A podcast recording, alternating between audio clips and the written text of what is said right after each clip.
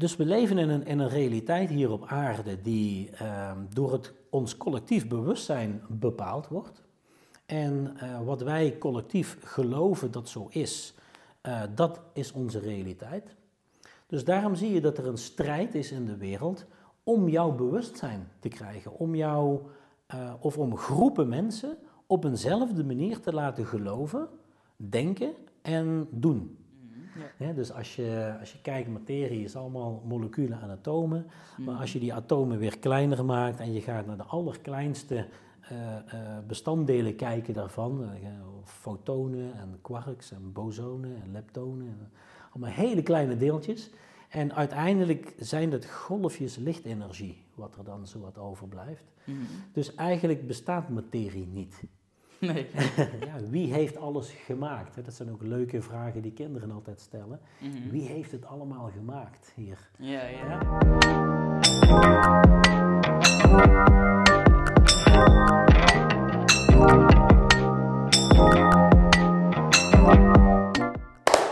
Welkom bij de Busgenieten podcast. Naast mij zit een uh, hele interessante speciale gast. We hebben het al een beetje uh, gehad over een aantal onderwerpen waar we het ook in deze podcast over hebben. Um, naast mij zit Roel Frederiks. En ik kan wel een beetje gaan vertellen, proberen te vertellen wie ben jij, wat doe jij, maar dat kun jij veel beter dan mij. Dus um, ja, ik wil je als eerst vragen, kun je kort vertellen wie je bent? Wie ben ik? Um, nou, Roel, Roel Frederiks. Um, wat ben ik? Ik ben een, een soort modern shamaan. Mm -hmm. En ja, wat is een shamaan? Een shamaan is een beetje een, een, een mix van een, uh, een uh, medium uh, die, die paranormale gaven heeft. En daardoor grotere inzichten heeft in, in hoe de wereld in elkaar zit. Die met die gave uh, kan lezen eigenlijk wat, wat in energiesystemen gebeurt. Die kan energie waarnemen en de informatie in energie waarnemen.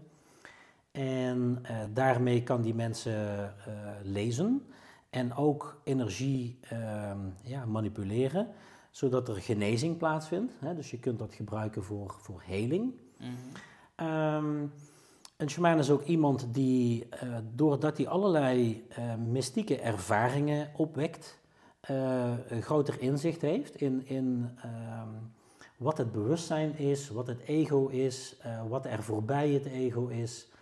Um, en en ja, wat er eigenlijk aan de hand is. Hè? Een, shaman is iemand die uh, heel veel antwoorden vindt door een bepaalde manier van, van werken op de grote levensvragen vooral. Mm -hmm. En wat zijn de grote levensvragen? Ja, waar kom ik vandaan? Wie ben ik? Wat ben ik? wat is deze dimensie waar ik hier ben? Waar, waar is die voor bedoeld? Mm -hmm. wat, wat, wat moet ik hier doen? En als ik dan doodga, waar ga ik dan weer terug naartoe? En waar dient dat allemaal voor? Mm ja? In feite is dat ja, waar iedereen eigenlijk mee bezig is in zijn leven. Ja. En, en ja, shamanisme is een, uh, een heel gedegen pad om, om antwoorden te vinden op al die vragen. Ja, ja. Interessant. En als ik dan hè, gelijk, uh, mensen komen nu deze podcast in, horen dit. Ja. Uh, misschien dat sommige mensen nu de podcast aanklikken en weet ik veel, iets zien en denken, oh, even interessant. En dan nu denk van, wow, oké, okay, uh, veel of heftig, of juist helemaal niet. Mm -hmm. welke mensen, we gaan het hebben over deze vragen, over deze onderwerpen, welke mensen gaan veel hebben aan de, de podcast die we nu gaan opnemen? Denk jij? Wat voor type mens bedoel je? Ja. Um, nou ja, ik denk de, de mensen die zoekende zijn, mm -hmm. hè, de, de, de, de zoekende geest noemen wij dat, de seeking mind. Uh, dat zit automatisch in het, in het systeem. Iedereen zoekt. Hè? Mm -hmm, ja, zeker. Iedereen zoekt. Hè? Dus de, de zoekers, daar, uh, daar maakt de shamaan vinders van. dat, is, dat is de bedoeling. Yeah. Ja? Um, zodat je ook weet, waarom zoek ik eigenlijk? Ja? Dus de zoekende mens die, die zich afvragen, inderdaad, die, die levensvragen van, ja, waar gaat het hier eigenlijk allemaal om? Uh, is dit voor wereld? Mhm. Hè? Eh, waarom ben ik hier? Wat is mijn missie in het leven? Hè? Wat, wat, uh, wat is de reden van het bestaan eigenlijk? Mhm. Waarom leef ik? Wat is een mens? Waarom ben ik mens? Wat is dat mens? Hè? Ja, ja, wie heeft alles gemaakt? Hè? Dat zijn ook leuke vragen die kinderen altijd stellen. Mhm. Wie heeft het allemaal gemaakt hier? Ja, ja, ja. ja, ja, ja. waar komt dat allemaal vandaan? Oké, leuk. Mooi. Dus ja, en er zijn mensen die, uh, die zijn op het begin van dat pad. Hè? Dus uh, ik, ik was een, al heel jong met dit soort vragen bezig. Ja. ik was al 12, 13 of zo toen ik met dit soort dingen bezig was. Ik hield een dromendagboek bij toen. ik las heel de biep over paranormale dingen en, en over boeken van, van von Daniken. Ik weet niet of je die kent. Nee, de, de, de goden waren cosmonauten. Dat was zo'n boek wat ik dan las. En, en op, op mijn zeventiende deed ik allerlei experimenten met mijn, met, met mijn bewustzijn en met hypnose en onderbewuste. Ik ging naar de hypnotiseur om te leren hoe ik mijn onderbewuste moest programmeren en herprogrammeren. En heel mijn leven eigenlijk altijd al bezig geweest met, met onderzoek en experimenten naar bewustzijn. Ja. ja. Oké, ik ben benieuwd. Hè? Dus voor dat soort typetjes uh, is dat... Uh, nou, dan weet je het. Heel interessant. Als je niet onder het type valt, ja. misschien kun je nog blijven kijken, misschien is het interessant voor je. Ja. Um, ik ben benieuwd, kun jij kort vertellen uh, ja, wat je doet en waarom je dat doet? Oké. Um, ja, ik ben een shamaan. En um, shamaan heeft meerdere rollen. Uh, ik ben uh, een heler shamaan. En ik, ik ben, is, is iets wat uh, heel diep in mij zit en wat ik al heel mijn leven op allerlei vlakken doe. Ik ben begonnen als verpleegkundige, bijvoorbeeld, op het vlak heling. Ik ben toen houdings- en bewegingstherapeut, oefentherapeut geworden. En masseren mensen en oefeningen leren. Um, heb een praktijk opgezet. Ik ben natuurgeneeswijze gaan studeren, kinesiologie gaan studeren uh, en, en steeds meer interesse gekregen in allerlei manieren van heling. Mhm. En uiteindelijk terechtgekomen bij um, uh, energetisch helen, allerlei energetische manieren bestudeerd. quantum touch, touch of matrix, matrix energetics. Um, en uiteindelijk terechtgekomen bij shamanistisch helen. En uh, ja, dat bestudeer ik nu al twintig jaar. En uh, um, ontzettend veel lessen gehad van, van heel veel indianen en shamanen uh, op dit vlak. Mm -hmm. en, um, en dat leer ik nu ook weer in opleidingen aan, aan mensen. Ja, dus aan de ene kant ben ik een heler in mijn praktijk die ik al, ja, wat is het, 34 jaar heb. En, uh, en aan de andere kant ben ik een, een uh, shamanistisch leraar en mentor. En ik, ik reis de wereld over om, uh, om ja, mensen shamanistische training te geven. En te leren hoe shamanisme werkt, hoe ze zelf mensen kunnen gaan helen. En ook hoe ze ja, hun, hun bewustzijnsontwikkeling kunnen doormaken. Ik heb, uh, ik heb bijvoorbeeld uh, tien jaar lang in, uh, in Athene gewerkt voor een instituut voor psychotherapie en, en alternatieve studies. En ehm, die vroegen mij om, om les te komen geven daar aan ja, psychotherapeuten, psychologen, psychiaters, omdat die ook geïnteresseerd waren in, hey, wat is er nog meer? hoe kan ik nog meer trauma's oplossen bij mensen met psychische klachten? Uh, dan alleen maar uh, uh, medicijnen voorschrijven en pillen geven en, en met chemie proberen dat te, te handelen en met praten. Mm -hmm. En zij wisten ook dat, dat shamanen heel bijzondere dingen doen. En, en dat je als je met energie werkt, dat je heel snel ook psychologische zaken heel snel kunt, kunt helen.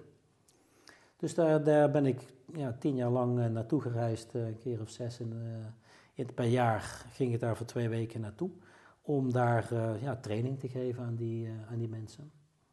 Maar ook naar IJsland en naar Zweden en verschillende landen om training te geven. Helder, heel vet. Oké. Mm. wat is jou als eerste opgevallen in jouw reis toen jij, hè, eh, jij vertelde, je, je, je, begon in, in de zorg. Mhm. Eh, toen vervolgens masseren en op die manier fysieke klachten behandelen. Mhm. Toen kwam er al heel gauw achter, oké, er zit vaak een, ook een levensverhaal en een levenspijn achter die klachten. Klopt. Um, Hè, misschien dat ik denk dat de meeste mensen wel eens ooit hebben gehoord van nou, uh, er is maar een heel klein deel bewust en een heel groot deel, mhm. eigenlijk het, uh, de onderste top van de ijsberg. De ijsberg zit onder water, ja precies. Ja, uh, waar ben jij toen achter gekomen? En, en ook voor de mensen die luisteren van oké, okay, ik, ik heb bijvoorbeeld ook, ik, ik ben namelijk ook wel benieuwd, ik heb bijvoorbeeld al best een hele tijd hier in het midden van mijn rug Ehm, een klacht die nog wel eens regelmatig terugkomt. Mhm. En ik ervaar dan ook vaak dat ik in zo'n periode meer stress heb, uh, waardoor die, die, die klacht komt. Mhm. Ehm, ja, waar kwam jij achter? En, en vervolgens ook wil ik er naartoe van, hoe kun je er bij jezelf achter komen waar iets vandaan komt? Oké. Ehm, ja, waar kwam ik achter? Uh, elke keer als ik uh, een, een, uh, een vraaggesprek, een anamnese had, een intake had met een, met een patiënt of een cliënt, um, en die gaf aan van ik heb die klachten, die klachten, die klachten, die klachten, die had een rijtje met klachten. En ik ging daarna vragen van wat is er allemaal gebeurd in je leven? Hè, wat, wat voor dingen die veel impact hebben gemaakt in jouw leven zijn er gebeurd? Nou, dan was er ook altijd een hele grote lijst net, net zo lang als de klachten, met uh, best wel heftige levensgebeurtenissen. Ja? Best wel veel trauma's. Dus ik had zoiets van, hé, hey, veel trauma's, veel klachten. Um, dus ik werd eigenlijk steeds meer geïnteresseerd in de trauma's. Uh, en, en ik ontdekte van, ja, ik kan die klachten wel behandelen, maar dan behandel ik de symptomen. Dan behandel ik het gevolg van wat er gebeurd is in het leven mhm. en wat dus blijkbaar niet verwerkt is of zo. Dus ik kwam erachter dat het leven een, of dat het, het lijf een USB-stick is. Waar uh, allerlei informatie in zit van het verleden uh, op een energetische manier. Dat zit in je meridiaansysteem, in je chakra's, in je energieveld om je heen. En dat, dat zit daar als, als imprints. Uh, en, en in zo'n imprint zit heel veel informatie over al je trauma's. Daar zitten de herinneringen in, wat er gebeurd is, de scènes, de situaties, uh, de, de koppeling aan mensen uh, die daarbij betrokken waren. Daar zitten de aanpassingen in je psyche die je bent gaan maken door een trauma, de overtuigingen die je daardoor hebt ontwikkeld, ehm, wat je bent gaan onderdrukken. Je wordt een soort, bij een trauma word je een soort DJ die aan de knoppen gaat zitten van je, van je eigenschappen in je, van je ego. Dus je spontaniteit gaat een beetje omlaag, je angst gaat wat omhoog, uh, je wordt wat gestrester, je wordt wat alerter, je vertrouwt het leven minder of je vertrouwt mensen minder. al dat soort aanpassingen maak je in je, in je psyche. En, uh, ja, en, ik, en ik leerde gaandeweg ehm, technieken hoe ik energetisch dat kon resetten en, en veranderen bij mensen zodat ze weer teruggingen naar hun oude, uh, ja, gezonde ik. Die, weer, die nog dingen weer durfde, die weer vertrouwde, uh, uh, die weer um, spontaan was en, en, niet meer heel de tijd ehm, een hele hoop angstgedachten had en dat soort dingen.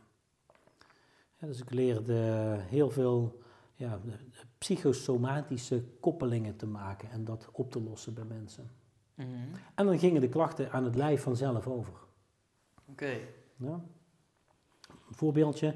Uh, er kwam bij mij een vrouw en die, uh, die liep al een, al een jaar lang met een ontstoken grote teen. Ja, die had bepaalde botjes ontstoken in, in een teengewricht. En die was naar de orthopeed geweest en die had zes weken gips gehad.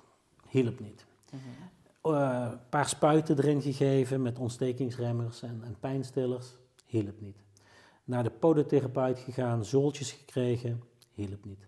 Naar de fysio gegaan, gemasseerd, uh, allerlei fysische technieken erop losgelaten, hielp niet. Nou, uiteindelijk komt die vrouw bij mij En ehm, ik zeg, ja, luister, ik, ik ga niet doen wat die anderen allemaal gedaan hebben, want dat helpt niet. Dus ik ga kijken wat erachter zit. Dus ik ging in haar onderbewuste uh, kijken en, en onderzoeken. En ik zag het aan die teen. het lichaam is een USB-stick, dus er zit informatie in. Mhm. En de informatie die daar zat in die teen, bleek van het overlijden van haar moeder te zijn. ik zeg, er zit verdriet in jouw teen van het overlijden van je moeder van vijf jaar, uh, vijf jaar terug. En ja, dat klopt, uh, zei ze. Van, ja, mijn moeder is overleden. Dat wist jij niet? Nee, dat wist ik niet. Nee. moeder is overleden, uh, dat klopt. Ik zeg ja. En, en die teen, die zegt eigenlijk dat jij moet stilstaan. Je moet stilstaan bij, het, bij dat verdriet wat nog in je zit. Dat, daar, dat is de boodschap eigenlijk. Mhm. Daarom heb je het ook daar. En uh, ik zeg, kom, we gaan aan de slag met, met verwerken. Nou, toen hebben we twee sessies gedaan in verwerken. En ja, na de eerste sessie van verdriet verwerken, daarvan was het klacht al de helft. En na de tweede sessie was het weg. Ja, dus zo, uh, zo werkt dat, zonder dat je aan die teen geweest bent met, uh, met een techniek of zo. Ja. ja. Wat gaaf. Dus ja, dat is één voorbeeld. Maar ja, dat soort voorbeelden maak ik ja, zowat met elke cliënt mee. waar dingen zich oplossen als je het trauma oplost. Ja. Als je de USB-stick leegmaakt. Ja, helder. Jij begon net, net voordat de podcast begon, over. Ehm, dat vind ik heel interessant. Uh, er zijn dus, zo heb ik namelijk ook nagedacht op een gegeven moment van. Kijk, ik ben maar een, ik ben een mens en ik, en ik uh, voel me niet supersonisch slim of zo. Hè? Ik heb niet uh, de allergekste dingen bestudeerd. Maar ik weet, aangezien deze wereld al duizenden jaren sta, bestaat, of ik geloof, kan ik eerder zeggen, ja, dat er echt een heleboel mensen wel zijn die tot in de puntjes hebben uitgezocht hoe mensen werken, hoe je mensen kunt beïnvloeden, hoe je onderbewustzijn werkt, hoe, hoe je mensen kunt laten doen wat je wil dat ze doen. Mhm. Nou, en als we dan gaan kijken naar hè, deze wereld en hoe de farmaceutische industrie in elkaar zit, hoe de voedsel uh, in, in elkaar zit, nou, et cetera, et cetera. Al de, alle supergrote bedrijven, zeg maar. Mhm. Dan zie ik daar wel een aantal dingen ja, waar ik vraagtekens bij heb. Mhm. Ehm, ja, daar wil ik eigenlijk een beetje naartoe van hoe, hoe kijk jij daarna? Omdat je net, net voordat de podcast begon, had je het een beetje erover, hierover. Ja. ja. Ehm, ja, wat wil je daarover delen? Oké. Ja, we hadden het over uh, morfische velden, weet je nog? Ja, eh, over collectieve velden. Die oh, met het voorbeeld van de aap. Die de mensen beïnvloeden. En we hadden het over uh, de, het honderdste aapjeseffect, de hundred monkey effect. Mhm. en, en dat ehm, ja, mensen zoeken naar massa-beïnvloeding. Mm Dat grote organisaties doen aan massabeïnvloeding. Dat is, dat is wat jij, waar jij aan refereert en, en hoe dat werkt.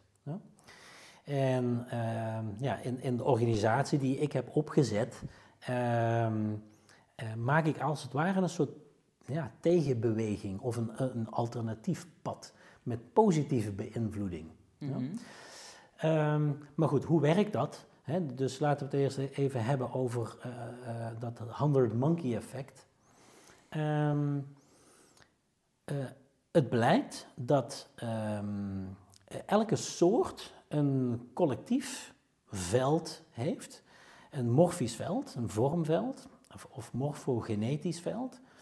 Um, een soort cloud, informatiecloud, waar uh, de blauwdruk in zit van uh, de bouw van een soort, mhm. het gedrag van een soort, en, uh, de, en het potentieel wat die soort kan worden als die, als die helemaal door evolueert.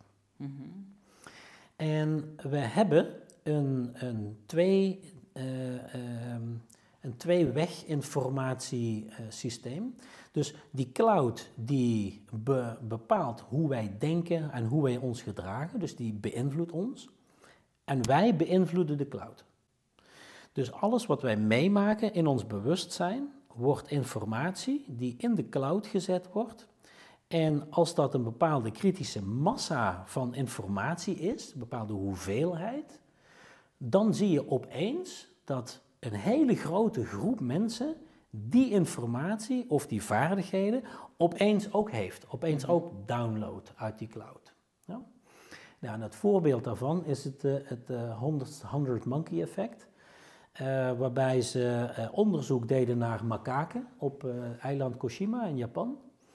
En ze zagen daar dat, ehm, dat er één moederaap, die vond het niet fijn, de, de, ze kregen daar zoete aardappels te eten. En die vond dat zand niet lekker aan die aardappels. Dus die had verzonnen, ik ga naar de zee, ik was mijn aardappel en dan eet ik hem op. En zij leerde dat aan haar kleintjes, haar jongen. En heel de community die, van die apen, die, die kolonie, die zat er naar te kijken en die ging dat naapen, die ging dat nabootsen. En op een gegeven moment, toen heel de kolonie uh, na een paar jaar uh, dat ook deed, um, vonden die onderzoekers dat ook diezelfde soort apen op het vasteland en op andere eilanden precies hetzelfde gedrag gingen vertonen. En dan in één keer, dus niet één aap, maar heel de kolonie in één keer. Nou, en dat wordt dus verklaard doordat op een gegeven moment een kritische massa is bereikt van apen die dat doet. Eh, dat komt in de cloud. Elke aap is dus verbonden met die cloud en download, als die kritische massa is bereikt, download opeens dezelfde vaardigheid. Hè, en wordt passief beïnvloed daardoor. Mhm. nou, dat gebeurt dus bij mensen dus ook. Um, dus we leven in een, in een realiteit hier op aarde die um, door het, ons collectief bewustzijn bepaald wordt. En uh, wat wij collectief geloven dat zo is, uh, dat is onze realiteit. Dus daarom zie je dat er een strijd is in de wereld om jouw bewustzijn te krijgen, om jou uh, of om groepen mensen op eenzelfde manier te laten geloven, denken en doen. Ja. En um, ja, mensen weten hoe dat werkt. Uh, en vooral slimme mensen die in, in, in de top van de systemen zitten, die eigenlijk alles bepalen. Dus uh, ja, big tech, big pharma, de bankenwereld, financiële wereld, politieke wereld, ehm, ehm, ja, media, hè, multimedia, big tech, die weten precies hoe dat werkt. Dus die doen een hele hoop om ja, ons te, te ja, manipuleren, ons onderbewuste te manipuleren op een mhm. bepaalde manier te denken, religie ook.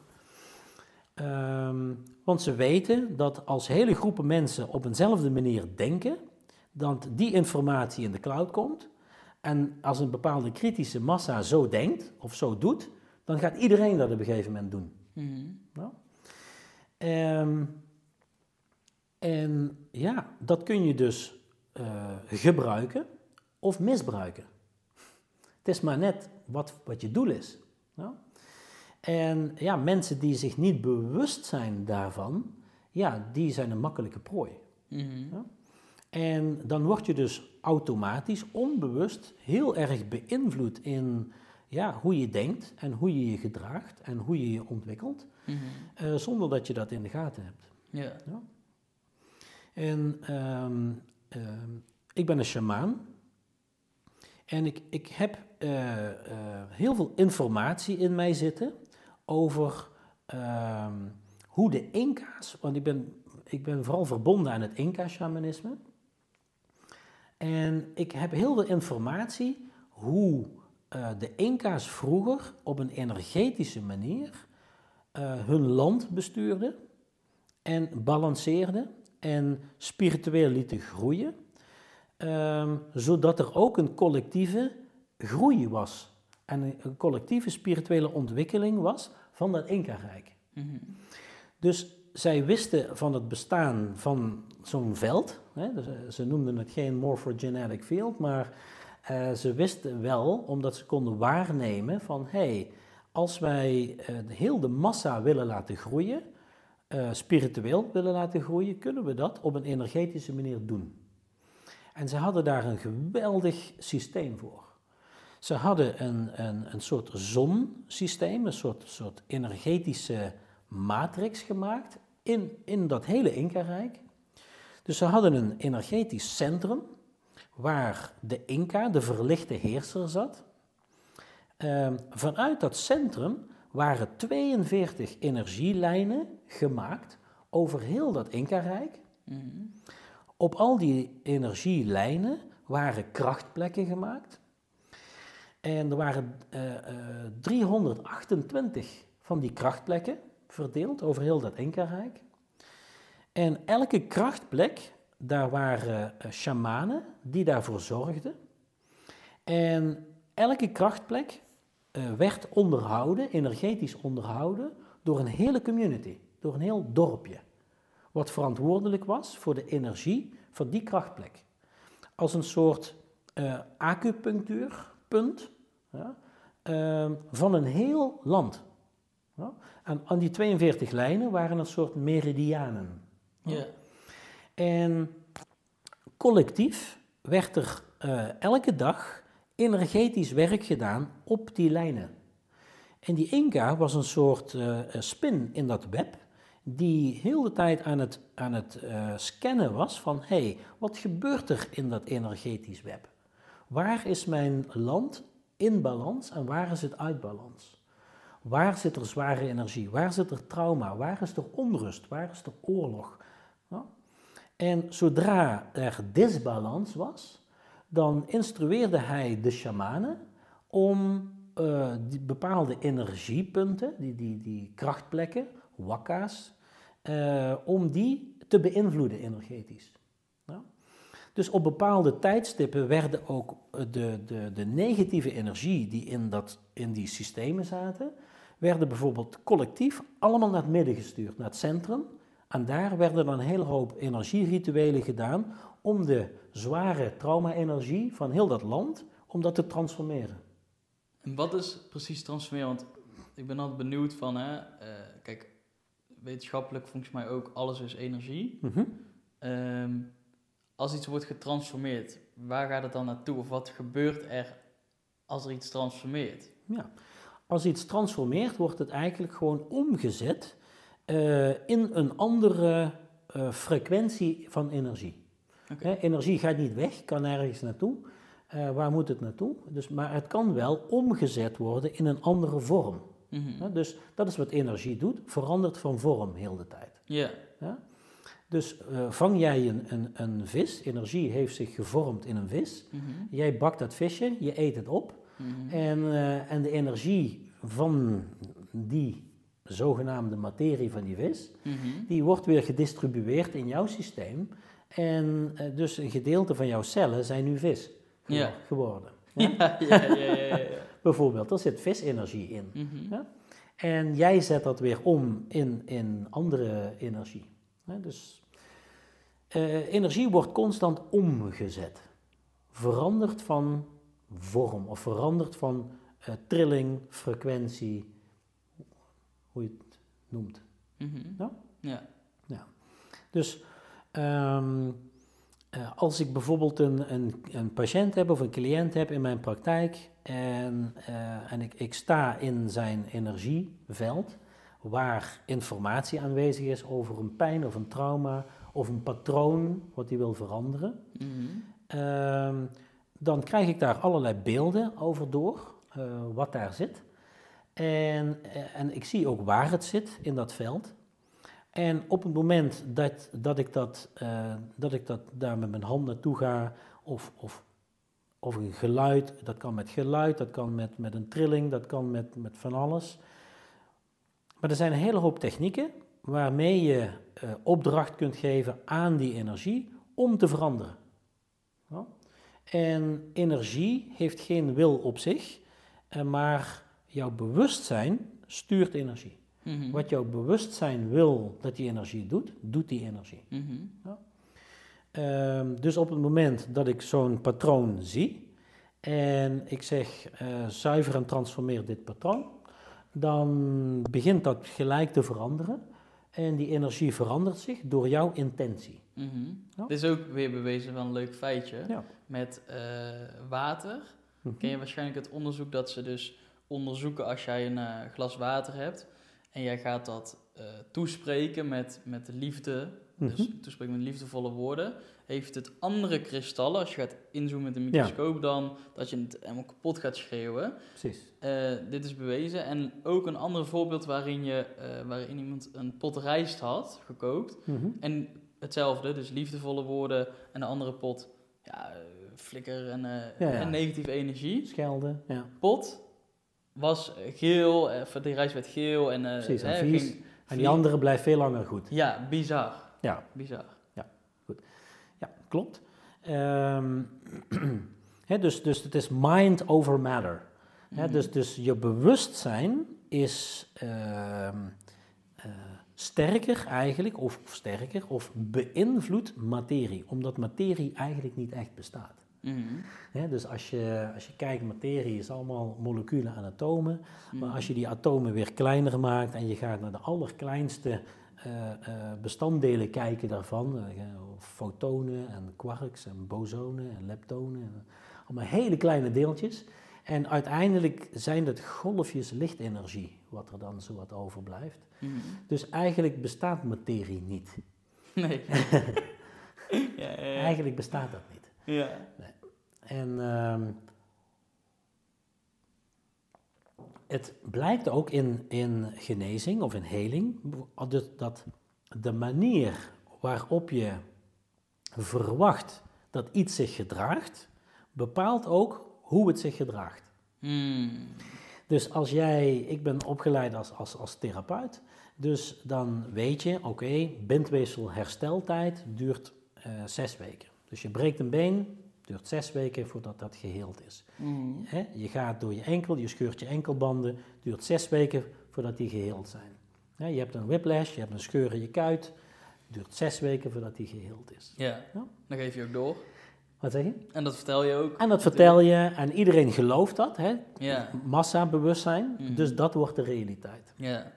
Maar ik leerde dat uh, op het moment dat je uh, buiten die realiteit gaat verwachten en dat je weet, nee, alles is energie. Energie kan heel snel veranderen.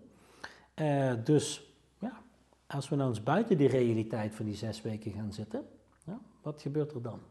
Ja. En het blijkt dat als je die verwachtingen bijstelt, uh, dat het, het weefsel, wat niet echt materie is, maar wat energie is, dat het zich veel meer gaat gedragen naar jouw verwachtingen. dus ik heb genezingen meegemaakt in mijn praktijk, uh, die helemaal niet kunnen in de normale medische wetenschap. Yeah. Kan dat helemaal niet verklaren. Ja. Kan niet, kan helemaal niet. Bijvoorbeeld, um, uh, mijn dochter, Fleur, ja. die uh, is bezig met de kraan, krijgt kokend water op de hand, op de duim. Ja. ja? Doet ontzettend zeer, dus ah, doet ontzettend zeer. Mhm, mhm. Ik zeg, oh, kom hier. Dus, uh, en ik ga energieoefeningen met haar doen. Eh, om, om dat te transformeren. En uh, ja, na, na een, uh, ja, wat is het, twee, drie, vier minuutjes, zegt ze, oh, nou wordt het helemaal verdoofd. Nou is de pijn weg.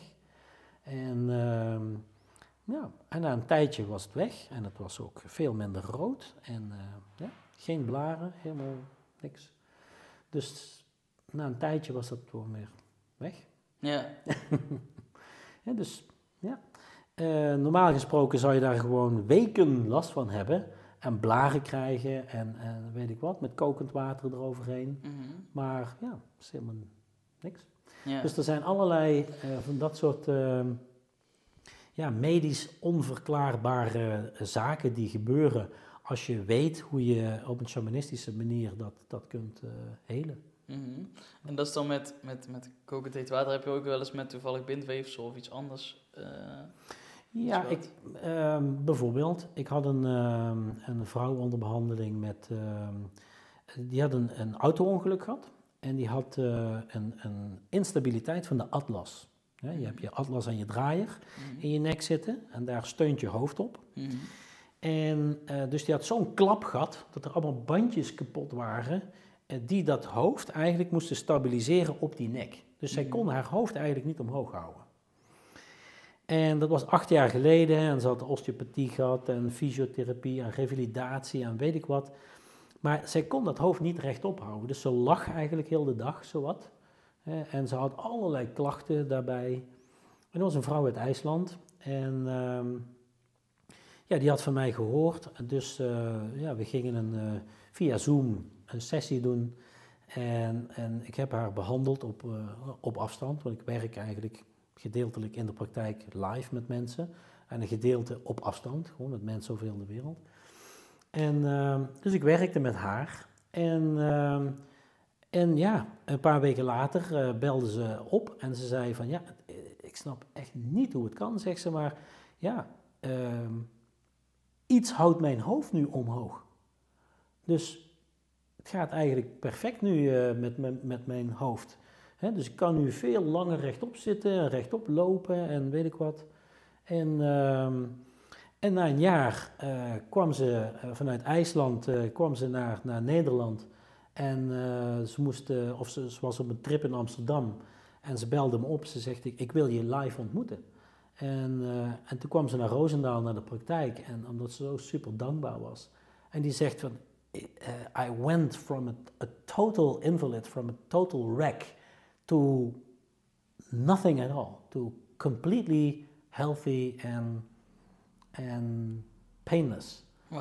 En dus ze kwam laten zien eigenlijk ja, hoe het met haar ging en, en ja, en, en, en uh, uh, ja, dat ze nu weer alles kon eigenlijk. Yeah. Terwijl ze eerst gewoon invalide was en helemaal niks. Gewoon, yeah. ja, kon niet werken, kon niet, kon niks. dus ja, dat is ja, onverklaarbaar eigenlijk. Hoe je met één sessie uh, dat soort resultaten kan bereiken. Mhm. En ja, meestal kun je iets wel losmaken als fysio of oefentherapeut of chiropractor, maar bijna niet vaster maken. Mm Dus dit is een heel ja, bizarre heling. Ja, wow. Ja. Oké, dankjewel voor het delen. Ja. Um, ik ben nog even benieuwd, een klein beetje terug naar uh, waar we het over hadden, van hè, die massabeïnvloeding. Ja. Kijk, uh, ik ben er ook, merk ook bijvoorbeeld als ik in Nederland ben, ik ben ook vaak ja, de afgelopen jaren best veel in het buitenland. Mhm. Ik bedoel in principe hetzelfde als dat ik hier doe, maar mhm. toch voel ik mijzelf meer ontspannen.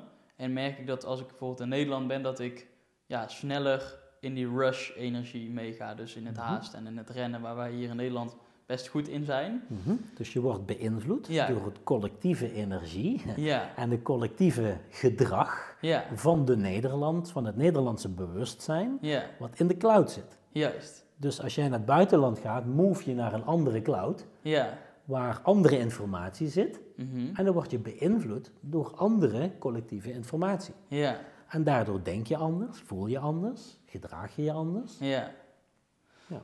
Ja, eh, ik heb trouwens ook even tussendoor wel eens gehoord dat een jetlag uh, niet per se alleen maar gaat over het tijdverschil, maar ook doordat je in een korte, korte tijd door allerlei energievelden heen vliegt, zeg hm. maar. Mhm. Ja, klopt. En, en ook doordat je, uh, je hebt een, uh, misschien heb je ooit van een meridiaanklok gehoord? Niet van een klok, wel van meridianen. Maar... Oké, nou goed, meridianen die hebben een, uh, een eh, twee uur doorstroomtijd. Dus uh, er, zit, er stroomt altijd energie in meridianen, maar ehm, twee uur lang krijgt één meridiaan veel meer energie en wordt die meridiaan veel actiever. En dus dat gaat twee uur deze, twee uur de volgende, twee uur de volgende, mm. twee uur de volgende, twee uur de volgende, twee uur de volgende. Dus al die meridianen komen zo in een soort klok aan de beurt. Mm. Ja? Over de aarde bedoel je? Nee, in je systeem. Oh, in je systeem, oké. Dus uh, eerst twee uur hartmeridiaan, ja? dan okay. dunne darmmeridiaan, okay, ja? blaasmeridiaan, ja. Ja? niermeridiaan. En zo, één voor één, krijgen ze allemaal twee uur doorstroomtijd, ehm, zodat dat actief wordt. En dat is een beetje gekoppeld ook aan dag en nacht. Ja? En uh, wat je dan doet, ook als je reist, dat heeft ook veel, veel invloed daarop, is dat je met je meridiaansysteem, jouw klok van jouw energiedoorstroomtijd, zit bijvoorbeeld in, uh, als je vertrekt in uh, overdag, maar dan ga je naar een ander gebied, een andere plaats, en dan is je klok ontregeld. De, de, de tijd van de dag klopt niet meer met waar jouw energiesysteem mee bezig is. Ja. Snap je? Mhm. En dat zorgt ook voor ontregeling en disbalans in je systeem. Ja, ja, ja precies. Oké, interessant. Ehm, maar ja, dat, dat merk ik dus zo erg. En sowieso, uh, hè, uh, ja, als ik kijk naar hoe dit systeem in elkaar zit, zie ik heel veel factoren. Wat voor systeem? Het systeem van uh, ja, de maatschappij, zeg maar. Ja, ja. Um, dan zie ik heel veel factoren waardoor wij ja, heel gemakkelijk keuzes kunnen maken die in mijn beleving dan niet goed voor ons zijn. Zoals slecht eten, uh, hier is je telefoon, hier is je iPad en je laptop, mm -hmm. tv, um, hè, allerlei, uh, allerlei zaken. Mm -hmm. Hoe kun je ervoor zorgen dat jij je minder snel tot niet daarin verliest?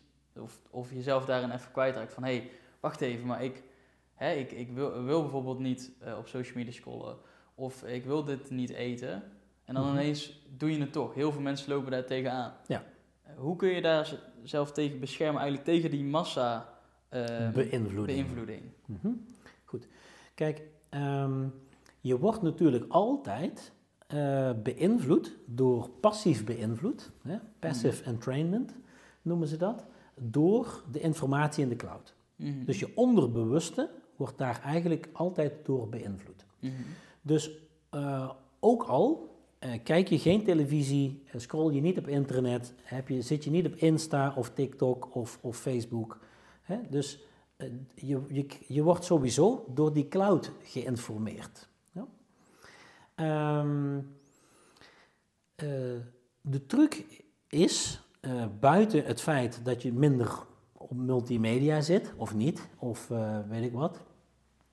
Dus dus dat je dus je schermtijd vermindert en je telefoontijd vermindert, is het, het, het doorhebben ehm, hoe ze je manipuleren. Hè, wat manipulatiedingen zijn, hoe ze dat doen. Um, en um, zoveel mogelijk op een hogere frequentie leven. Uh, wat bedoel ik met hogere frequentie? Uh, op het moment dat je meegaat in uh, hun frequentie, dan word je gepakt door die frequentie. Op het moment dat jij zorgt dat jouw frequentie hoger is, resoneer je daar minder mee. Dus dan beïnvloedt het je ook minder. Dat betekent dat als jij uh, veel sport, uh, gezond eet, uh, mediteert, ademhalingsoefeningen doet, uh, een, een, een, voedingspatroon hebt, ehm, wat, wat, wat veel minder vlees bevat, veel meer groente, fruit, verse dingen, organische zaken, ehm, minder chemicaliën binnenkrijgt, dat soort dingen. dat jouw, jouw trilling, je vibratie van, van heel je systeem, van je bewustzijn, hoger is en daardoor minder vatbaar is eigenlijk. Hoe sterker jouw uitstraling uh, die van jou weggaat, des te minder ben je beïnvloedbaar door uitstraling van hun van buitenaf, mm, yeah, als het yeah, ware. Yeah. Ja? Dus uh, zorg dat jij uh, zo, zo, een zo positief mogelijk zonnetje bent. Dan ben je minder vatbaar voor beïnvloeding van buitenaf. Ja? Vooral meditatie, het heeft vooral met je bewustzijn te maken. Bijvoorbeeld als je mediteert, als je op, op een hogere frequentie in je bewustzijn komt, dan heb je daar minder last van. Ja, oké. Okay. In je eigen bubbel blijven. Ja, helder. Oké.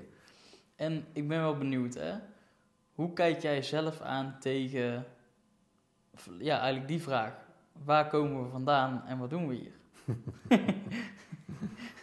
Ja, dat is een leuke vraag, hè? Waar komen we vandaan en wat doen we hier? Ja.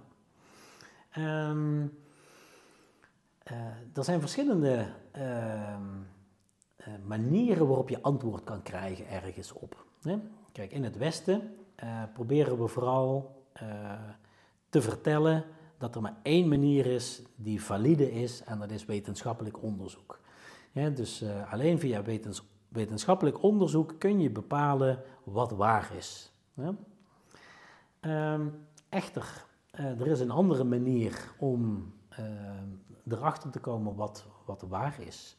En, uh, en dat is wat, uh, wat heel veel mensen zeggen die uh, yogis, siddhis, ik weet niet of je het van siddhis gehoord hebt, nee? Um, wijs, wijsgeren, wijze mensen die al jaren mediteren, boeddhistische monniken bijvoorbeeld. Dat er verschillende methodes zijn waarop je je bewustzijn kan veranderen, waarop je je hersengolffrequenties kunt veranderen, waardoor je op een andere zender komt waar andere informatie aanwezig is. En um, dat kan met meditatie, dat kan met plant medicine, met ayahuasca bijvoorbeeld, of met, met um, mushrooms of peyote of, of allerlei andere Ehm, middelen. Uh, dat kan met ademhaling, dat kan met energiewerk, dat kan met bepaalde rituelen. En, uh, en dat gebruiken shamanen om hun uh, geest te verruimen, om daarmee ehm, te kunnen reizen binnen het bewustzijn. En op het moment dat je kunt reizen in bewustzijn, dat je ook uit je lijf kan, bijvoorbeeld. Ik heb heel veel ervaringen van, van uit mijn lichaam zijn. Um, en dan kom je in een, uh, uh, in een meer subtielere lagen van het zijn. Deze, deze dimensie is een, uh, een, een, hele dichte, laagfrequente energie. Ja. En ik merk dat, dat als ik in een, in een soort mystieke ervaring zit en, en ik ben uit mijn lijf en ik reis in een, in een ander uh, veld of een andere dimensie, dat elke dimensie een andere frequentie heeft. En dat die frequentie steeds uh, van een andere trilling wordt en de trilling bepaalt de realiteit in die frequentie. En op het moment dat je je frequentie weer verhoogt, ga je naar een andere realiteit. En dat is eigenlijk een, een, een oneindig gebeuren. Dus ja, waar komen we vandaan? Um, bestaan we eigenlijk wel? Is er wel een we? Uh, wat is Axel? Uh, bestaat die eigenlijk wel? Mm -hmm. Bestaat Roel eigenlijk wel? Mm -hmm ja, dit is een ruimtepak wat mij, uh, wat het mogelijk maakt dat ik hier rondloop. ja? Mhm. Maar roel is, ja, wat is dat? Een concept, een verhaal. Roel is een, is een klank. ben ik die klank? nee. Uh, ben ik de ervaringen op mijn tijdlijn? Nee. Ben ik... Uh, ja, ben ik dit lijf? Nee. Nee. Wat ben ik dan? Ja. En eigenlijk bestaat roel niet, heb ik ontdekt. Dat is er eigenlijk niet. Mm bestaat er eigenlijk individualiteit? Ook niet. Mhm. Het lijkt zo. Mhm. Er zijn alles, alles wat ik dacht dat waar was, is eigenlijk niet waar. Je denkt dat je mens bent, ben je niet. Je denkt dat je man bent, ben je niet.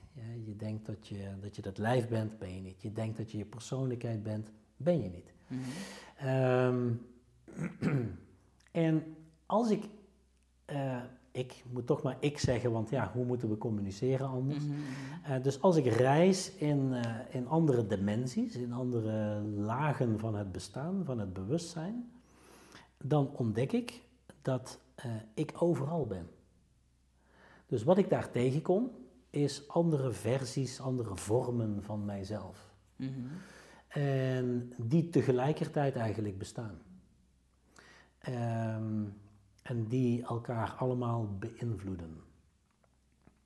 En dat ik dus eigenlijk ehm, het geheel ben, wat zichzelf ervaart in een uh, ja, uh, tijd-ruimteveld, uh, wat allemaal in één keer gebeurt.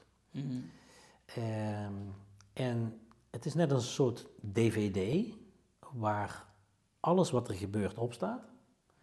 En afhankelijk van waar de lezer staat ehm, op de DVD, ervaar je dat. Ja. Maar een shamaan die weet hoe hij de lezer kan verplaatsen naar een ander deel, zodat hij iets anders kan ervaren dan wat hier aan de hand is. Mm? Ehm, dus ja, ik, ik, weet nog heel goed dat ik uh, bijvoorbeeld een ervaring had uh, waarbij ik eh, uit mijn lijf ging en waarbij ik ervoer van hé, hey, ik ben geen individu, ik ben een proces.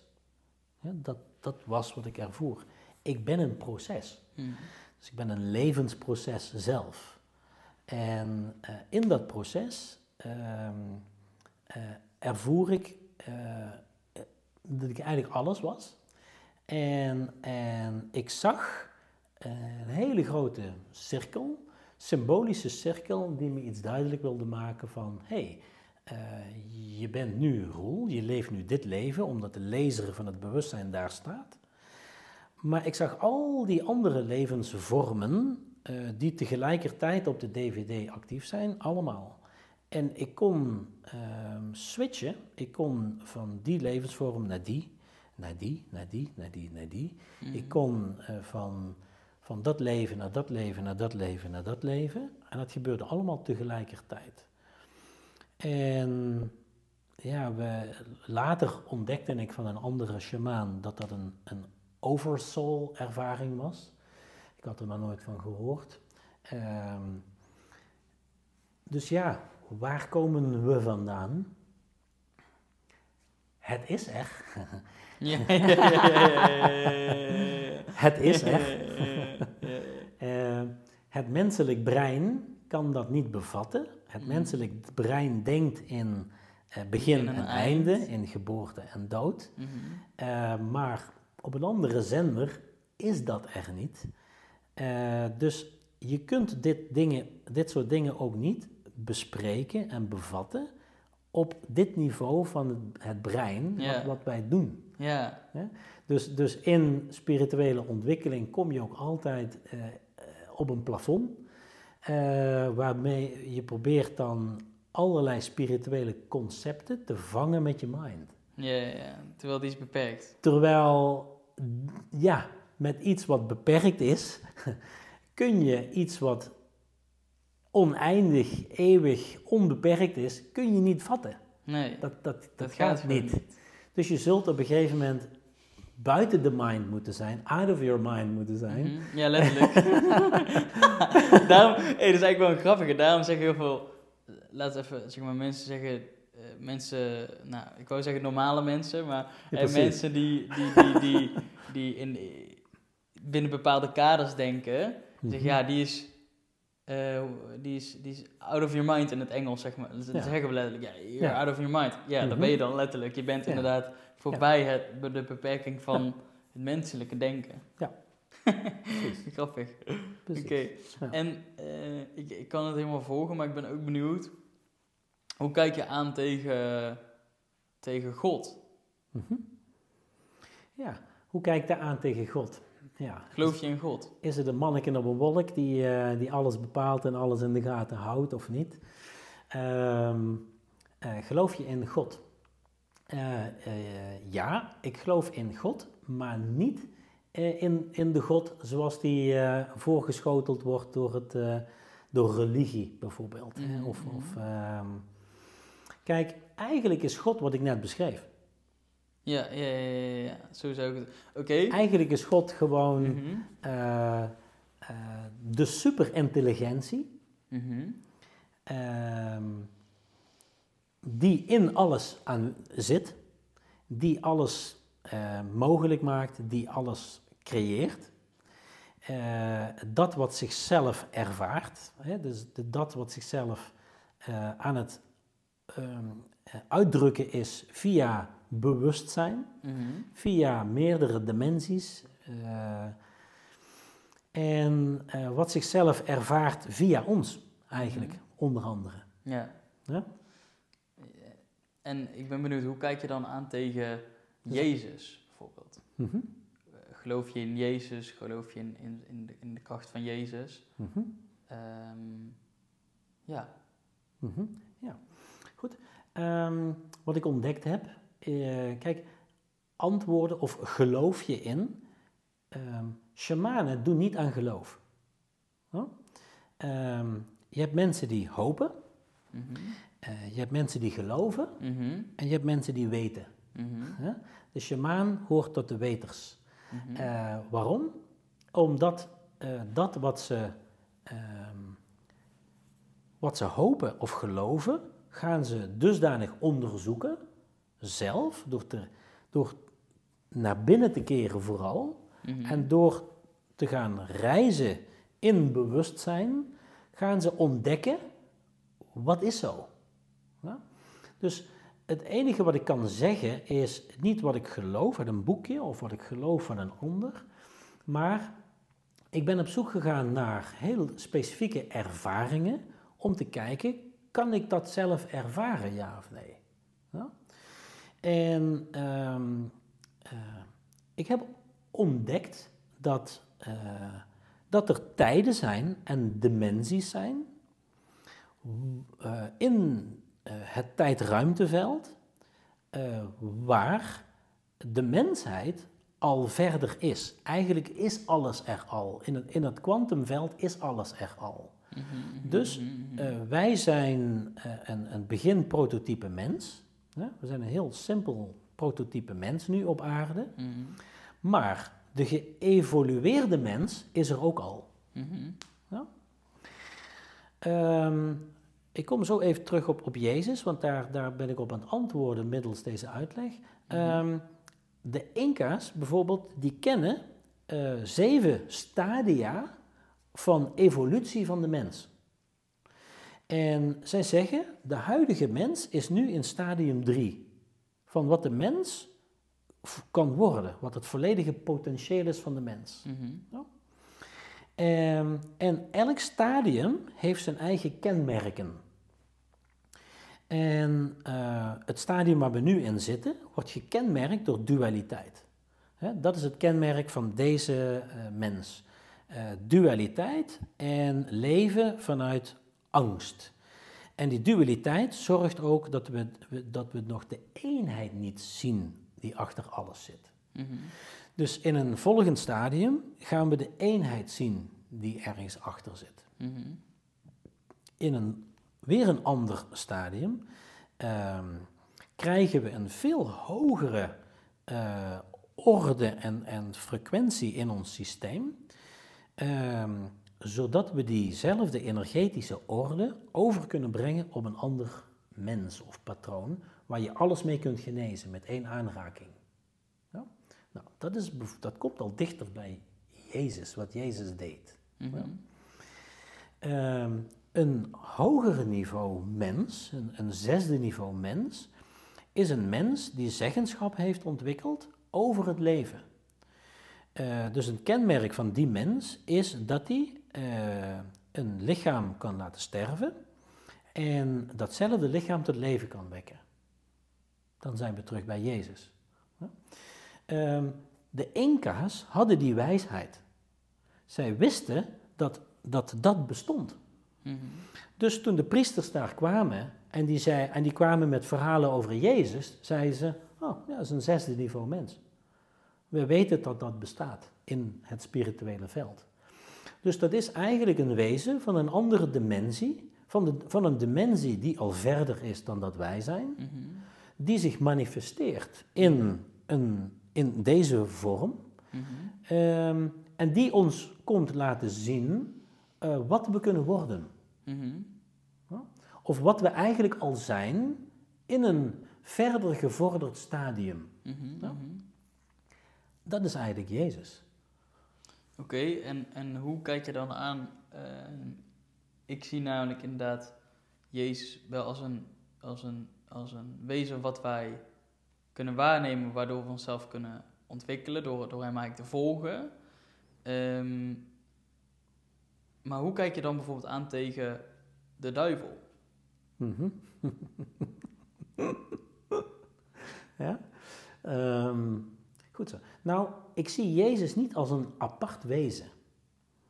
Eh, uiteindelijk, ehm, er zijn verschillende niveaus van waarneming en van manifestatie.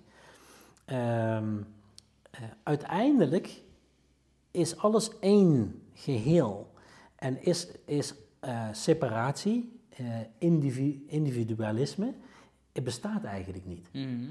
Dat bestaat eigenlijk niet. Er zit een, een eh, dus ook dualiteit komt voort uit eenheid. Eh, en uiteindelijk is alles eh, één en hetzelfde. Dus Jezus is geen apart wezen wat apart staat van jou. Mhm. Jezus is een deel van het geheel Mhm. waar jij dus ook uit bestaat. Mhm. En wat toegankelijk is. Jezus, de informatie van Jezus is ook een morfisch veld. Is ook een cloud van informatie die jij kunt gebruiken, omdat jij daar niet los van staat. Mhm. Jij bent daar één mee. Mhm. Ja? Je bent alleen aan het. eh, je hebt jezelf eh, geïndividualiseerd. En je hebt jezelf in een soort vergetelheid geplaatst. Zodat je de ervaring opnieuw kunt hebben van het evolueren daar naartoe. Mhm. Mhm. Van het groeien daar naartoe. Mhm. Terwijl je eigenlijk stiekem het al bent. Mhm. Dat is de kosmische grap. Mhm, mhm, mhm. Ja, ja, ja. De kosmische grap van Mhm. heel veel dingen. Oké. Even terug, wat was je vraag nog een keer? Wat, eh, hoe kijk je aan tegen de duivel? Oh ja, wat is de duivel? En wat is het, Ja. ja, hoe kijk je aan tegen de duivel? Wat is het werk van de duivel? Geloof je in de duivel? Mhm. Oké, goed. Ehm, eh, duivel is een, eh, een verzonnen eh, verhaaltje door religie om mensen bang te houden. Ja?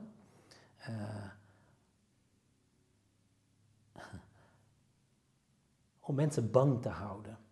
En bestaat het? Ja en nee. Ehm, op het moment, wij, wij zijn allemaal scheppers. Het bewustzijn is scheppend. Mhm, mhm. Dus op het moment dat jij een verhaaltje gaat creëren, een wezen gaat creëren, Mhm, eh, eh, dat bepaalde eh, eigenschappen gaat toedichten, dan schep je in een energieveld, want alles wat geschapen wordt, wordt eerst in een energetische dimensie geschapen. Mhm. Ehm, dus bestaat het?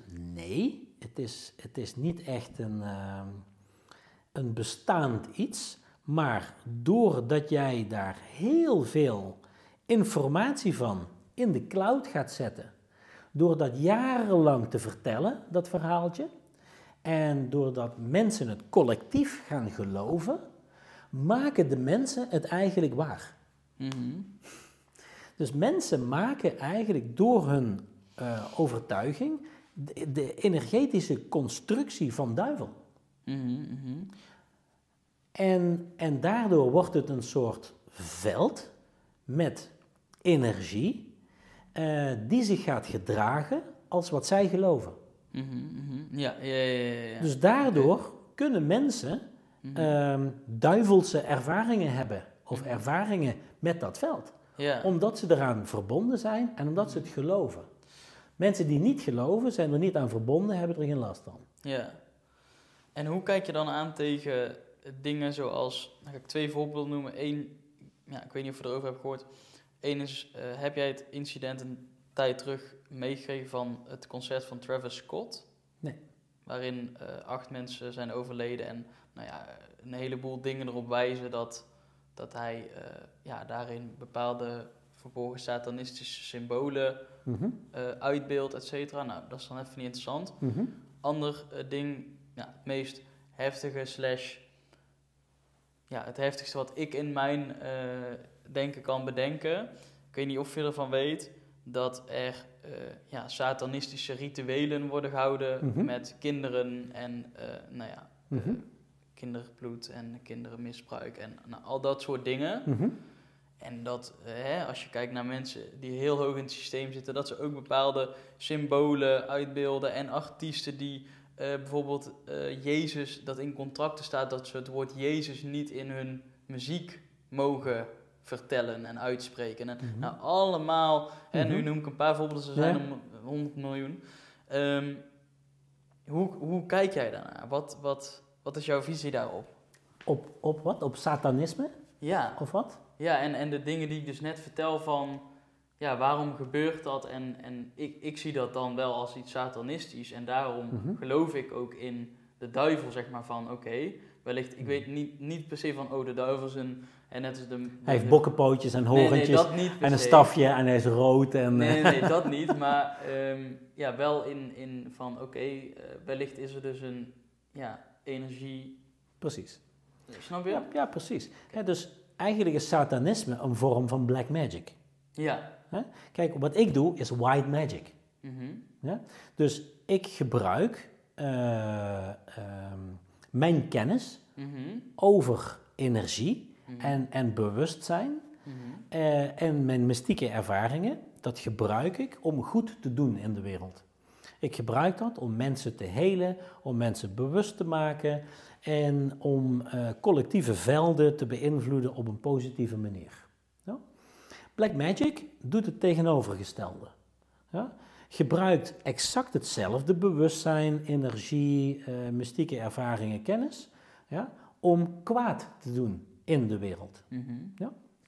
En uh, is dat een duivel als een wezen? Nee, dat is geen duivel als, als wezen. Maar um, uh, shamanen gebruiken uh, wezens van andere dimensies om aan te roepen, om mee te helpen om goed te doen. Mm ja? Um, dus bijvoorbeeld als ik werk, ik heb sterke gidsing die aan mij gekoppeld is. En die helpen mij met, met dingen te laten gebeuren ehm, wat klopt met mijn intentie. Mhm. Dus op het moment dat ik iets wil helen, bijvoorbeeld, en ik maak contact met die, met die gidsen en ik zeg van oké, laat me maar zien wat er moet gebeuren hier. En dan krijg ik allerlei beelden door van wat er aan de hand is. Mhm, ik krijg beelden door, ik krijg woorden door, ik krijg ehm, ehm, bepaalde locaties door, uh, ik krijg bepaalde emoties door. En ik kan mensen letterlijk vertellen van, oh, dat is er gebeurd en je voelde je toen zo, uh, dat, uh, dat gebeurde er toen. Je bent nog gekoppeld aan die persoon, dat moet ik loskoppelen. Uh, je hebt een bepaald deel van jezelf ben je kwijtgeraakt, dat heb je ingekapseld, dat is een soort zielenverlies, dat is daar aanwezig. Dus, dus gidsen kunnen dat. Uh, en ik voel dat dat door mij heen komt. Ik voel hun aanwezigheid heel sterk. En, en, en die geven bepaalde dingen door. Dus als shamanen rituelen gaan doen, manifestatierituelen, helingsrituelen, inwijdingen, overdracht van informatie of kennis, ehm, dan komen dat soort entiteiten mhm. door je heen, mhm. die werken via jou en jij bent een soort channel daarvan. Ja. Satanisten doen dat op exact dezelfde manier, alleen zij roepen andere entiteiten aan dan wat shamanen doen. Mm Shamanen roepen entiteiten aan, wezens, uh, die uh, zich hebben toegelegd op goed doen in de mhm. wereld. Mhm. En uh, zij roepen entiteiten aan die zich hebben toegelegd op kwaad doen in de wereld. Yeah. Ja? Dus um, en bestaan die entiteiten die kwaad doen? Ja, die bestaan. die kun je zelf creëren. Je kunt zelf entiteiten creëren. dat is wat, ehm, wat heksen bijvoorbeeld vroeger deden. ik weet niet of je de. Je, kent vast wel ehm, het feit dat. mensen zijn bang voor een zwarte kat. Een zwarte kat brengt ongeluk. Ja, ja, ja. ja? Nou, dat komt omdat heksen entiteiten maakten die voor hun dingen deden. En ze koppelden die entiteit aan de kat. Dat was de drager van de entiteit. Okay. Die koppelden ze aan het energieveld van de kat. Mm -hmm. En uh, dus heel veel mensen die, die ze aanraking kwamen met die kat, uh, voelden dat als negativiteit. En werden dus bang voor katten van heksen. Oké. Snap je? Ja. Dus, dus ja, en dat doen satanisten. Satanisten roepen uh, kwaadwillende wezens, entiteiten aan, mhm. ehm, om voor hun te werken. Ja, en, en met welke beweegreden doen ze dat dan? Ehm, ja, dat is een goede vraag. om dingen, om balans te verstoren eigenlijk in de wereld. Ja, maar waarom? Ja, waarom? Um, Satanisme uh, staat niet los van, uh, van. Eigenlijk is dat een, een kosmische uh, dualiteit. Ja. Ook daar zit een eenheid bovenin. Mm -hmm, Dus uh, het duister en het licht mm -hmm. ja, komt uit hetzelfde voort. Mhm. Dus ook dat lijkt gescheiden van elkaar en lijkt elkaar tegen te werken, mhm. maar dat is eigenlijk niet zo. Eigenlijk is dat bedoeld als een soort uh, kosmisch, kosmische teaching. Ehm, eh, jij kan geen wezen zijn ehm, met een vrije wil als er niks is waartussen je, je kunt kiezen. Oeh, dat is een interessante, ja. Dus als er niks is wat hetzelfde is, als alles hetzelfde okay, zou wow, zijn... dit is een interessante... interessante Snap je? Dus als jij exact hetzelfde zou zijn en alles is hetzelfde, mhm. waar moet je dan tussen kiezen? Ja, ja, dus, ja, dus wil jij de ervaring hebben van... Nee, ik wil eerlijk zijn, uh, uh, integer zijn, ik wil liefde zijn, ik wil liefde verspreiden, ik wil mensen helpen, ik wil goed doen. Ehm, ja, het concept goed zou helemaal niet te kiezen zijn als het concept kwaad niet zou bestaan. Dat klopt. Um, dus daarom uh, ontdek je ook dat als je naar binnen gaat en je gaat ontdekken dat jouw ziel of jouw individuele spirituele deel zoekt naar alle ervaringen mhm. die er maar te ervaren zijn mhm. binnen God. Mhm. Binnen dat intelligentieveld wil, het, wil jouw ziel alle ervaringen ervaren die er maar zijn. Ja. Dus jouw ziel wil ook duivelse ervaringen hebben. Wil ook een keer de black magic zijn. Wil ook een keer dader zijn en ook slachtoffer zijn omdat jouw ziel het volledige spectrum wil ervaren van het zijn. Dus daarom, uh, als je uh, teruggaat in tijd of je, je, gaat kijken in jezelf, zit er ook altijd demonische energie in jezelf. Die zit daar. Daarom kunnen mensen zich ook demonisch gedragen. Nou, daar zie je genoeg van in de wereld. Demonisch gedrag. Um, dus ja, de ene uh, incarnatie uh, zit je daar, daar middenin. En, en je groeit, je evolueert. En langzaam kies je ervoor om um, ja, een, een andere deel van de medaille te gaan ervaren. Ja. Oké. Ja. Maar als, je, als ik werk met mensen, met, met, met spirituele ontwikkeling, dan eh, komen mensen altijd op een punt dat ze hun demonische kant tegenkomen. Mm En als ik met mensen werk uh, uh, in een shamanistische opleiding, dan kom ik bijna altijd op een punt met ze dat ze herinneren dat ze de Black Magic uh, shamaan ooit zijn geweest. Mhm. En dat ze ook kwaad hebben gedaan mhm. met hun krachten. Mhm. Maar goed, dat hoort bij het onderzoek wat je aan het doen bent van het bewustzijn. En dat je alles wil leren door ervaring. Ja. Door het te ervaren. Oké, interessant. Hele interessante ja. dingen. Maar er is geen absoluut kwaad. En er is ook geen absoluut goed. Er is alleen absoluut. Er is alleen absoluut wat is. Mhm. Ja. Oké.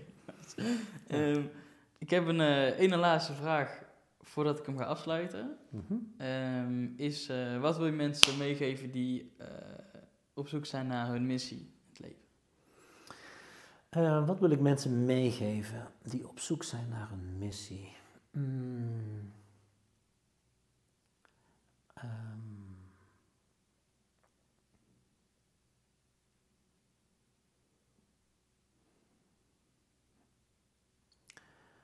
je vindt je missie op het moment dat je je ontdoet van alle beïnvloedende factoren om je heen. Uh, je vindt je missie, uh, want in eerste instantie is het probleem met je missie, is dat je afgeleid wordt door je verwondingen van het leven. En je bent alleen maar in het begin aan het zoeken naar hoe word ik gelukkig, hoe word ik rijk, hoe word ik minder bang, hoe word ik minder onzeker. Uh, mm En al die patronen, wat, wat je aan het fixen bent, houdt je eigenlijk afgeleid van je ziel dat zorgt dat je bezig bent met je ego, met je denkertje, de hele mhm. tijd. En dat zorgt dat je bezig bent met fixen, fixen, fixen, hele, fixen, beter worden. Mhm. Ehm, op het moment dat je uh, bij je missie wil uitkomen, is het belangrijk dat je al die imprints uh, van oude patronen, dat je die uit je systeem haalt en dat je het verleden, alle touwtjes naar het verleden losknipt. Dat je je vorige levenpatronen opruimt. Dat je uh, familiepatronen opruimt. Je vaderpatronen en je moederpatronen die je overgeërfd hebt. Mhm. Als je die niet losknipt, knipt, dan herhaal je de thema's, de levensthema's van je ouders. Mhm. En van je voorouders. Mhm. Dan leef je dus niet jouw missie, maar hun. En dan ben je bezig met fixen van hun patronen. Dus zorg dat je je eigen trauma's heelt. Zorg dat je de trauma's die je overgeërfd hebt van je vader en je moeder heelt. Zorg dat je je uh, vorige levenstrauma's heelt. Um, en dan, wanneer, er, wanneer het verleden dus jou niet meer beïnvloedt, ben je volledig beschikbaar voor de toekomst. En dan kom je pas erachter van, hé, hey, wie ben ik ten diepste? En, en wat zijn de fluisteringen van mijn ziel? Want jouw ego, je verwonde ego, schreeuwt zo hard in je hoofd dat je de fluisteringen van je ziel eigenlijk niet meer hoort. En dus het moet stil genoeg worden in jouw systeem. En op het moment dat het hier stil wordt, ga je dit horen, ga je je hart horen. En, en, en ga je uh, in contact komen met, hé, hey, uh, wat is mijn, mijn zielenagenda? Wat heb ik ook alweer bedacht, wat ik hier kwam brengen, uh, voordat ik incarneerde? Mm -hmm. ja, dat is je missie, dat ga je je herinneren. Mm -hmm. het gebeurt niet zomaar, maar je, daarvoor moet je wel naar binnen keren. Mm -hmm. En ja, voor mij is shamanisme het meest geweldige pad wat je gigantisch veel tools uh, geeft om dat te doen.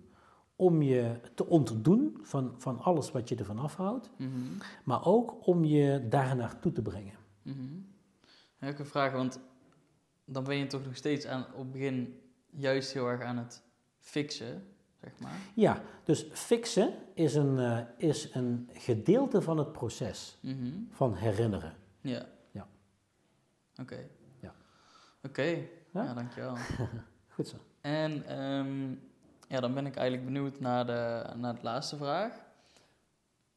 Ik ga hem daar, eh, daarmee ook altijd afsluiten. Wat wil jij aan de mensen die deze podcast luisteren, nu vanuit je hart meegeven?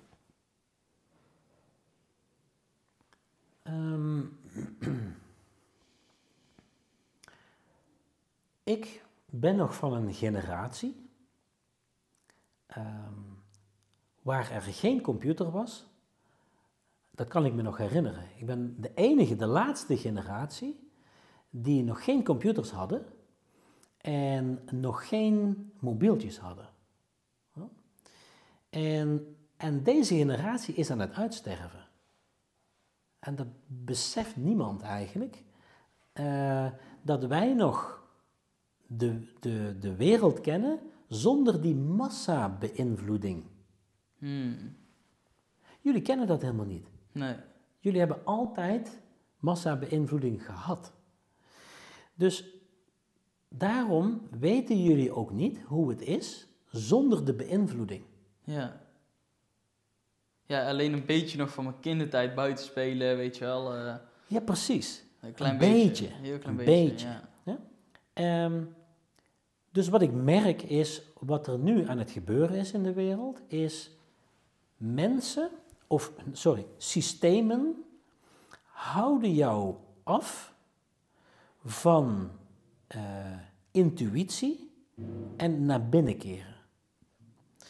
Systemen zorgen voor constante afleiding en constant entertainment. Mhm. Ja? Als jij je even gestrest voelt, ga je even scrollen. Tut, tut, tut, tut, tut. Mhm, Oh, leuk film. Ja, moet je kijken. Leuk, lachen. Ja? Ehm, dat hadden wij niet. Dat hadden wij niet, die instant eh, entertainment, Ja, ja. instant gratification. Mhm. Dus wij kenden nog het fenomeen stilte en verveling. Mhm, mhm, mhm, mhm. Er is tegenwoordig ehm, geen stilte meer. Terwijl alle antwoorden die je zoekt in de stilte te vinden is. Mhm. Want je, je moet naar binnen keren en alles wat ze doen tegenwoordig is jou ervan weerhouden dat je naar binnen keert. Mhm. Aandacht naar buiten, aandacht naar televisie, aandacht naar TikTok, aandacht naar dat, aandacht naar dit. Je moet kopen, je moet reclame kijken, je moet dat. Ja? Hè, Je, moet, eh, je moet nu eh, online business gaan doen. Je moet nu, ja? Ja? Dus ze willen je vooral constant je aandacht naar buiten richten. Mhm. Ja? En als je dat doet, word je beïnvloed door hun programmering. Mhm. Dus mijn boodschap is: zorg voor stilte en zorg voor naar binnenkering. Eh, dus als je je niet lekker voelt, gooi dat ding weg en zit stil, doe niks en zorg dat je zoekt binnenin. En dat je gaat communiceren binnenin. Omdat alle inzichten, alle wijsheid en alles wat je zoekt in je bewustzijn al aanwezig is. Alles is daar al. Maar dan moet het wel stil zijn. ja, ja, ja. Zo, hele mooie. Ja? Ja. Dankjewel. Goed zo. Dankjewel. Ik eh, ben heel benieuwd wat je van deze podcast eh, vond. Als jij denkt van, nou, ik heb hier heel van gehad. Deel hem vooral met eh, mensen waarvan jij denkt dat ze er ook iets aan hebben. En als je mensen die dit luisteren met jou willen connecten, kunnen ze jou ergens een berichtje sturen of een e-mailtje of zo? Ja, ze kunnen sowieso gaan naar een eh, website van mijn organisatie. Mhm. Eh, ik in one, de beschrijving zetten. Eh, ja, www.onemillionearthkeepers.com. En eh, ja, je kunt me een, een eh, mailtje sturen naar roelfrederiks.com. Eh, nee, eh, gmail.com. Mhm. Ehm, dat, ja, ja, ik zet ze sowieso in de beschrijving. Dus, prima. eh, Doe Goed dat zo. vooral als je, die, eh, Ja. als je dat voelt. Dus mocht je geïnteresseerd zijn in eh, heling voor jezelf, in spiritueel mentoring, uh, in, in ontwikkeling van je spiritualiteit. Uh, mocht je geïnteresseerd zijn in uh, shamanistisch heler worden, of mocht je willen deelnemen of, of een earthkeeper willen worden, dus iemand die meehelpt de aarde collectief positief te beïnvloeden, neem contact op. 100%. Ja. En ja, ik zou zeggen, als je dit op YouTube kijkt, doe even een like omhoog. Op Spotify een reviewtje, dat wordt echt gewaardeerd, helpt me enorm. En dan zeg ik zoals altijd, geniet bewust van dit moment. En tot de volgende.